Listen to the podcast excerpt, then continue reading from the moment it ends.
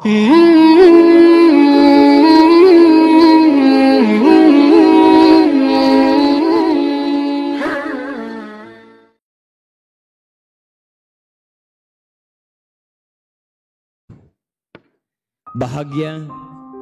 dalam Al-Quran dan Sunnah Rasulullah Sallallahu Alaihi Wasallam.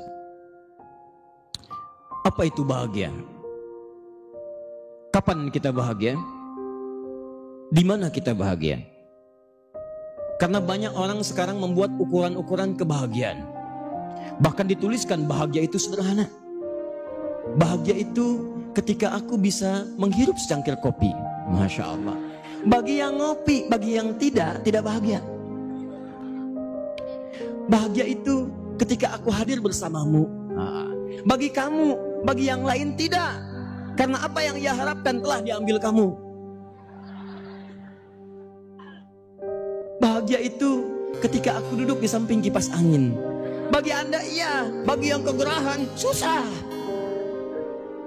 Tim, jadi kita mesti punya ukuran apa yang disebut dengan bahagia itu yang bisa mengukur keseluruhan yang dirasakan oleh setiap orang.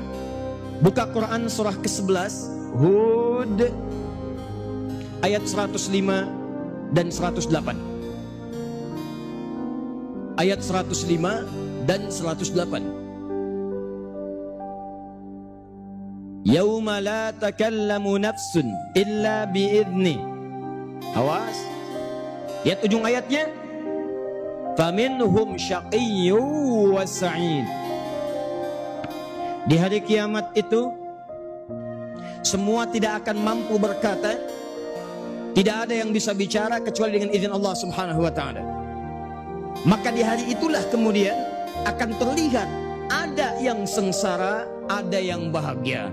Perhatikan, Al-Quran menyebut orang-orang yang bahagia dengan satu kata saja.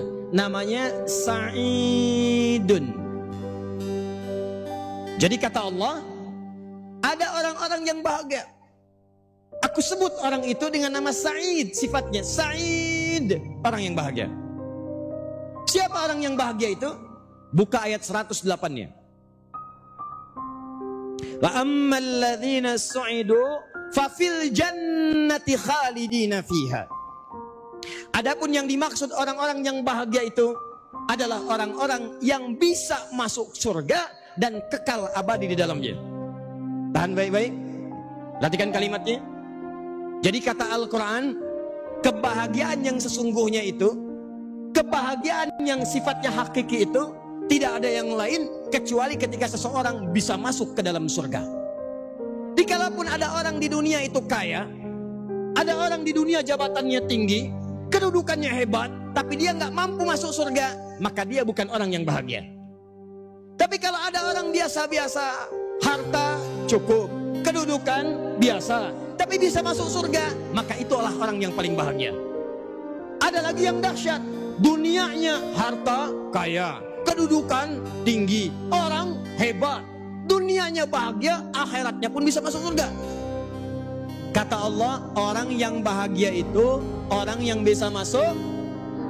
Jadi kalaupun ada orang hebat di dunia tapi nggak bisa masuk surga, hakikatnya dia bukan orang yang bahagia. Ya Allah, kenapa di surga itu disebut dengan nikmat bahagia? Tahan. Kenapa kehidupan di surga disebut dengan kata sa'id? Dan langsung disebutkan oleh Allah, itulah kebahagiaan yang sejati. Bahagia itu ketika